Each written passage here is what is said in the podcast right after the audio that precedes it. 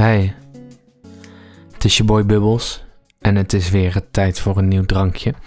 Ehm, een drankje waarop de buitenkant van het flesje staat Shake Well. Dus ik weet niet of er dit keer bubbels in zitten. Als je dat eh, moeilijk vindt, dan wil ik nog wel even een bubbelgeluid maken. Nee, kan het niet zo goed. Ehm, maar ik kan hem wel even shaken. Hij heet Calypso. Ocean Blue Lemonade. En aangezien het om lemonade gaat, denk ik dat dat ook de reden is waarom die eh, geen bubbels erin heeft. Maar ik kan nog steeds het flesje openen. Het is een flesje eh, van volgens mij 500 milliliter. Als ik de grootte ongeveer zie. 473. Eh, nou heb ik 27 milliliter erover gelogen. Maar ehm, hij is blauw. Het drinken dat erin zit is blauw. En call me crazy, maar voor mij is dat wat is het tegenovergestelde van een dealbreaker? Het maakt me enthousiast. Want dat is niet de kleur hoe een drankje hoort te zijn. Ik wil die chemische troep in mijn lichaam. Ik ga het gewoon eens proberen.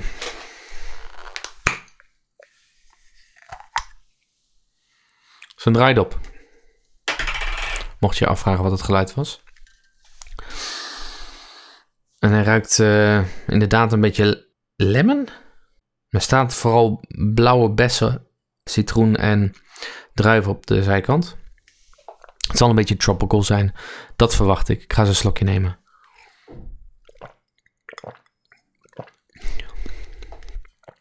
Hmm. Ja. Ja, hij is lekker. Het is wel een goed drankje. Ik heb de laatste tijd meer uh, goede drankjes. Daar ben ik wel blij om. Is altijd een beetje afwachten. Maar het is ook moeilijk te definiëren wat hem nou zo goed maakt.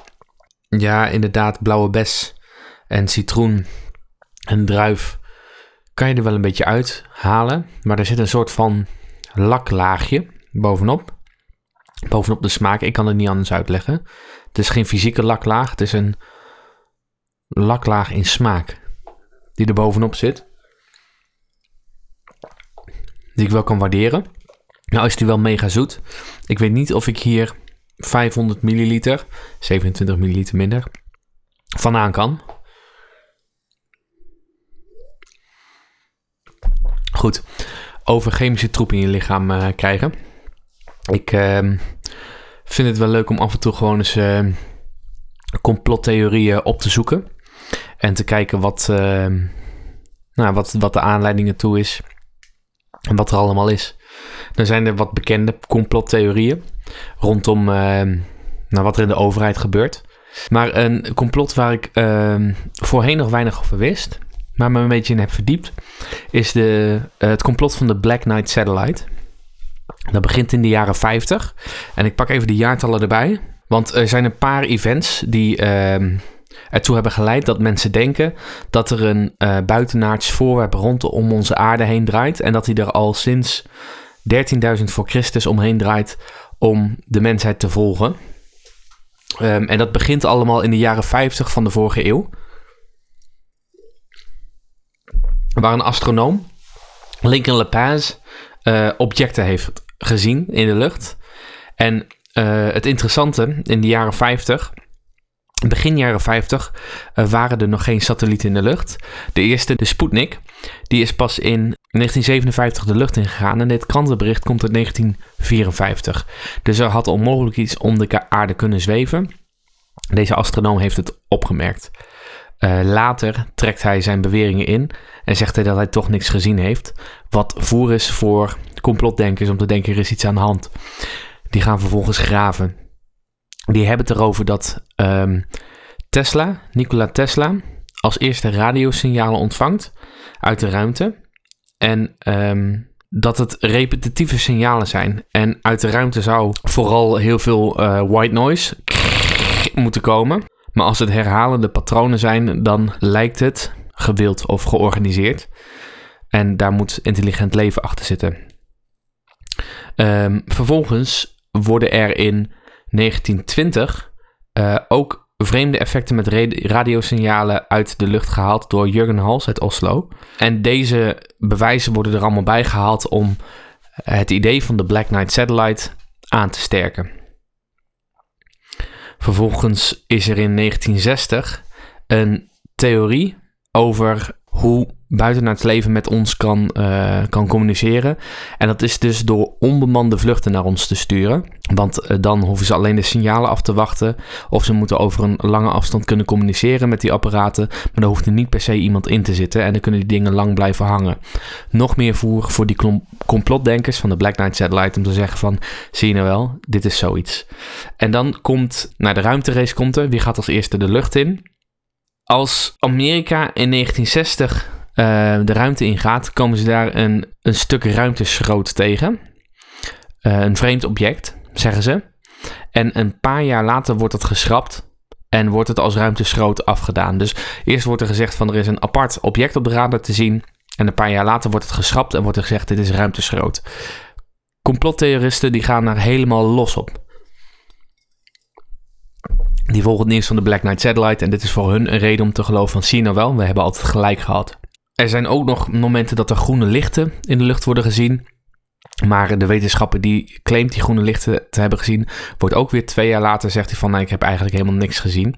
En daar wordt uh, uiteindelijk van gezegd, die is uh, gesilenced door de overheid. Want zij hebben stiekem contact met de aliens en uh, ja, die willen dat geheim houden. Vervolgens gaat de Endeavour, vlucht STS 88. Eh, volgens mij ook in de jaren 60. Uh, die gaat de lucht in en die maakt foto's in de ruimte. En op die foto's is een object te zien wat duidelijk ook vouwen en reflecties heeft en wat tuimelt. Achteraf is er uit die vlucht bekend geworden dat mensen bepaalde een beetje aluminiumfolieachtige grote dikke doeken hebben laten vallen die ze om de buitenkant deden om uh, ruimte materiaal van warmtelekken te beschermen. En iemand heeft de foto ook geanalyseerd en gezien dat bepaalde scheuren die op het origineel stonden, hè, want er zijn eerst foto's gemaakt van het object zelf tijdens de ruimtevlucht en later dus van het tuimelende object en dat die overeenkomen met elkaar. Maar nog steeds denken mensen in complottheorieën, nee, maar luister, uh, dit is hem gewoon. Dit is de Black Knight Satellite. Nou, het laatste nieuws wat hieruit komt, is in uh, 2016 um, van het Russische Soyuz ruimteschip, dat dicht bij de ISS komt. Daarvan wordt aangegeven dat hij gevolgd wordt, wordt door een onbekend object. En daar wordt dus weer gezegd: dit is die Black Knight Satellite. Dus het idee er is een soort van satelliet die door ruimtewezens gestuurd is. Die tuimelt al nou, sinds 1300 voor Christus, dus opgeteld 15.000 jaar rondom de aardbol. Om ons uh, op te meten en zo, om contact met ons te leggen. En iedereen is erbij betrokken. En wat het vervolgens is, dat is natuurlijk gewoon speculeren.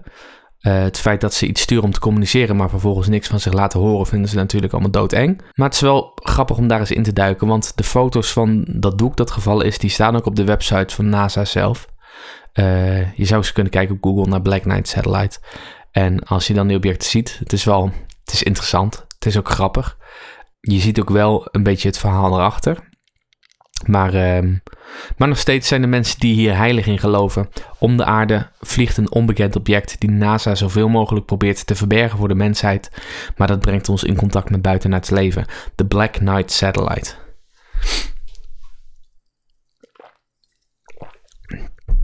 Zo. Een beetje complottheorie is altijd goed voor de maag. Vooral als ik al deze chemische troep naar binnen zit te werken. Nou ben ik er nog niet helemaal zat van. Maar doordat ik best wat te vertellen had, heb ik ook nog niet heel veel van gedronken. Maar ik zou zeggen... Oh, wacht eens even, er zitten real lemon bits in. Dus er zitten echte stukjes citroen in. Ik heb ze nog niet gezien, want ik vind het vrij egaal qua kleur. Oh nee, onderin zie je inderdaad wel vlokjes erin zitten. Dus een beetje vruchtvleesachtig. Ja, nee, ik ga zeggen een, um, een Chantal Jansen. Wel een lage Chantal Jansen. Vooral omdat ik denk dat je er zat van wordt. Maar hij is, de eerste paar slok is dit lekker. Als je dit flesje haalt en je deelt het aan een paar gasten uit. Of je mixt dit met een of ander een wodkaartje of wat dan ook. Als je dat lekker vindt. Zou best kunnen. Het zou best werken, denk ik. Het is heel tropisch, deze, dit drankje. Um, 7,3.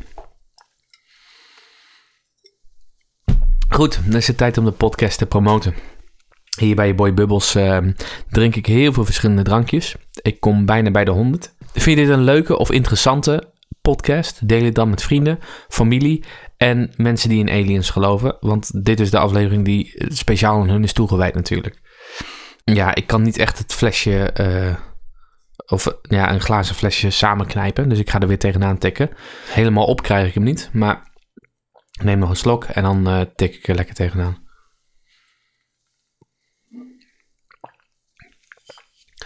Goed. Dat is toch weer speciaal. Dan wil ik jullie bedanken voor het luisteren. En dan hoop ik dat ik jullie een volgende keer weer spreek. Doei!